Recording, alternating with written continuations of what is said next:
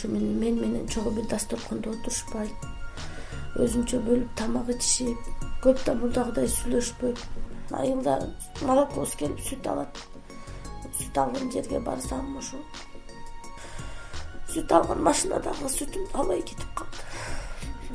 Ошондо аябай жаман болдум. Өзүн айгүл деп тааныштырган бул келин тажикстандын кыргыздар жашаган жергитал айылынан келген улам үшкүрүнүп күрс күрс жөтөлгөн келин менен жаңы конуштардын биринде өзү ижарага алган төрт чарчы караңгы иретсиз батирде жолуктум энесинен алты жашында айрылып атасы казакстанга иштегени кетип кайтып келбептир.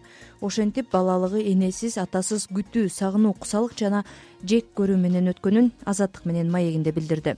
Мен деле жакшы билбейм ушу эмчек рак оорусунан каза болгон экен аны кийин уктум ага чейинбы он үч он төрт жашка чыкканча ошо апамды күтүп келет апаң москвада иштеп жүрөт десе апамды күтүп сагынуу жек көрүү ушундай менен өтүп кетти да балалыгым сегиз жашка чыкканымда атам келди.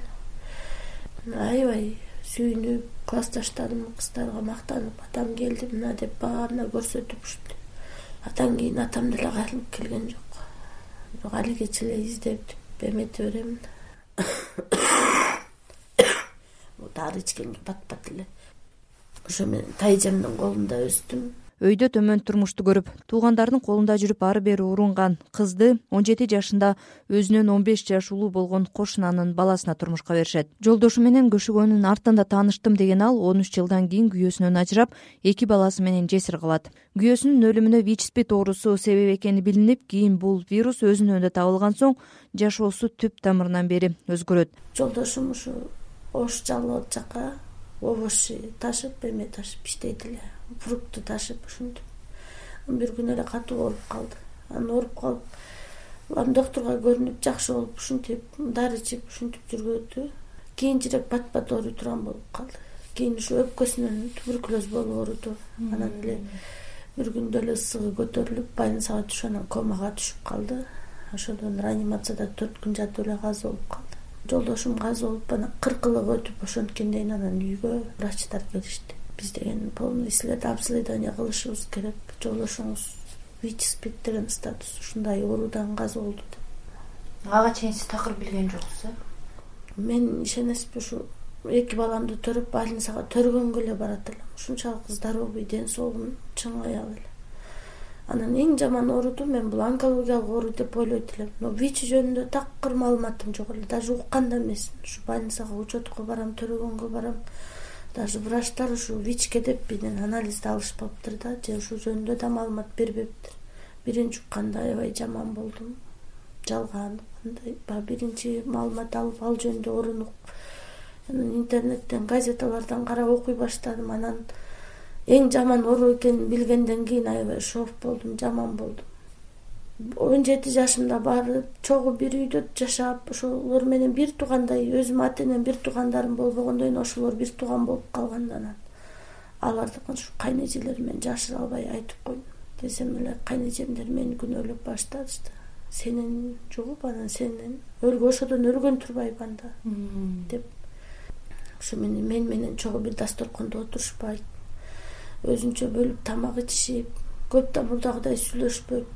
Аябай эле жаман эмеге түшүп кеттим. Анан кайнэжемдер да чыгып кошуналарга айтып коюптур. Сууга чыксам кошуналар да баягы жаман эмеде карашат. Айылда молокобуз келип сүт алат.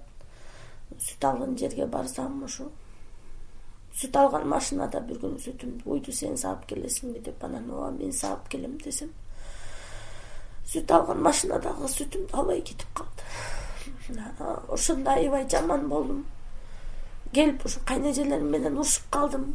Анан эки баламды ээрчитип алып ошо бишкекке келе бердим барар жери жок болгон соң алгач бишкекке келип үй жайы жоктор баш калкалачу жайда эки баласы менен жашап калат. Бир буручун эмеге тосуп алып кордондор менен тосуп алып эме кылдык ичкендер бар экен. Балдарым менен ошол жерде туруп калдым.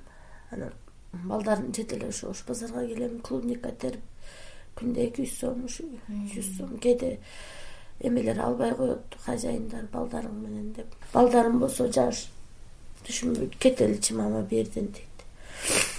Ошон үчүн анан бир эже ошо кызыл жарым ай коомуна жөнөттү кайрымдуу боорукер мээримдүү адамдар аябай көп экен. Анан ошол жерге квартира кылып чыгып жашап калдык балдарым сегиз тогуз жашта. Айгүл вич инфекциясы качан кайдан жукканын толук билбейт. Көз көз жарганда төрөт үйүнө гана барбаса асти ооруканага кайрылып көрбөптүр. Бир гана күйөөсүнөн жуккан болушу ыктымал деген шеги бар. Болгону бул илдетти алып жүргөндөр коомчулукта көп кодулоо басмырлоого туш болоорун белгилөөдө.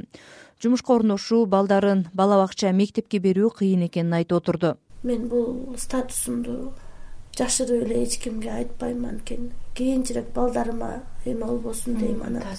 таасир тийби анан мындай балдарга дагы өзүмө дагы мындай айылдан көп кодулоо көрүп келдим да анан ошон үчүн эч кимге деле айткым келбейт. Жашырып жардам керек болуп аябай кыйналып жашооң үчүн күрөшүп оорууңду деле жашырбай айтып калат экенсиң. Ушул мени туура түшүнөт деген негизде айтсаң наоборот кайра сени адан да ылдый кылып басып салышат жукканына канча болушу мүмкүн экен дарыгерлер эмне дешти? Мен ошо бир эле эмем. Жолдошумдан деп ойлойм анткени азыркы мендеги эмелер оорунун начал эмелери жолдошумда бар болчу да. Жолдошум кээде тамаша кылып калчу. Мен бир аялым бар дагы деп эле баягы ал убакта мен баягы жаш болчумун анын үстүнө ата эне бир тууганым баардыгы эле ушу жолдошум болуп. Бай жашабасак да аябай бактылуу жашайт элек эми бир эле кудай билет. Мүмкүн больницадан жукту мүмкүн билбейм. Кудай өзү кечирсин бирок ушу жолдошум деле күнөөлөй берем. Кээде анан кээде ал деле билген жок да деп кайра аны деле эме кылбаймын бул деле мүмкүн мага кудайдын берген бир сыноосу деп түшүнөм. Мен мындай сыноого сынып калбайм. Балдарыма керекмин балдарым үчүн жашашым керек тар бөлмөдө энесинин кыймыл аракетин дарыны үзбөй ичип жатканын анда санда көз жашын көрүп чоңоюп жаткан жеткинчектер келечекте дарыгер болуп апасын айыктырууну кыялданышат.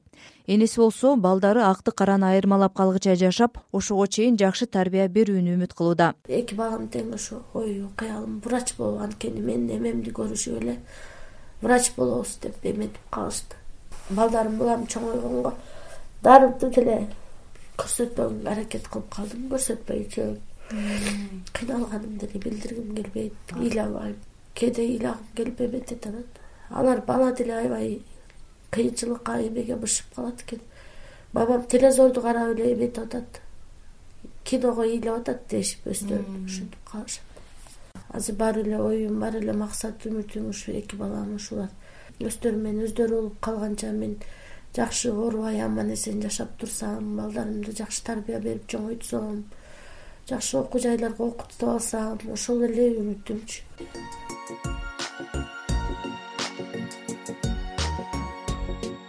биздин кийинки каарманыбыз сагида ноокаттын келини. Ага вич инфекциясы баласынан жуккан. Баласына ар кайсы илдет илешип жакшы боло албай акыры вич экени аныкталган. Кийин оозу оюлуп ичип өткөн баласын айыктырам деген эне өзү да ушул дартка чалдыккан. Мен дагы өзүм эле мындай ооруйду түшүнбөйт элем да ошо жашка кирип эки баламдан анализ алды отрицательно таза чыгып атат балдар анан мен жерден чоң энечен атамдан кайнакайын атамдан анализ алышты. Баардыгы таза чыгып атат. Бирок мына кичине колумдай алайымдан ошондой оору чыгып атат да. Ноокатты текшерип келип анан ноокаттан биттадан экитадан болуп анан ошондой балдардын эмеси чыга баштады анализдерди жыйырма үч бала каттууга алынды. Эки миң жети. Вич инфекциясы менен. Мындай вич инфекция деп эле түздөн түз эле бизге спид деп эле айтат эле да. Өзүм дагы ооруп оозум стоматит температура түшпөй өзүмдөн. Баланы ошонгө чейин мен эмиздим да көкүрөгүмдү берип эмиздим. Бир врач бирөө баланы эмизбечи деген эмени айтпады анан энеси дагы тапшырып көрсүн ошо анализди деди. Анан ошол анализди тапшырсам өзүмдөн дагы ошондой оору чыгып калып күйөөмүнкү таза чыгып атат. Өзүмдүкү ошондой чыгып атат. Бирок аны кайын журту күйөөсү түшүнбөй үч баласы менен ажырашып эки жыл арабаны жалгыз тартканга туура келген дейт биздин маектеш. Ошол кезде мен үч балам менен кеттим өзүм атамыкиге. Атамыкиге кетип ошол жерде эки жыл жашадым ата энем менен бирок атам айтат эле да өзүм атам.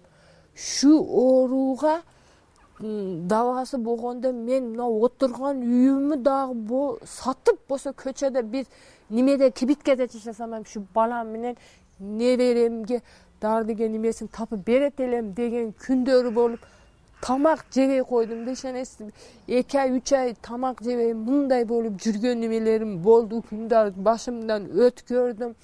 Эстегим эм келбейт бирок мындай үй бүлөлөр өтө көп. Такыр азыркыга чейин ажырашып кеткен үй бүлөлөр толтура турат. Жашабайт эки үч баласы менен.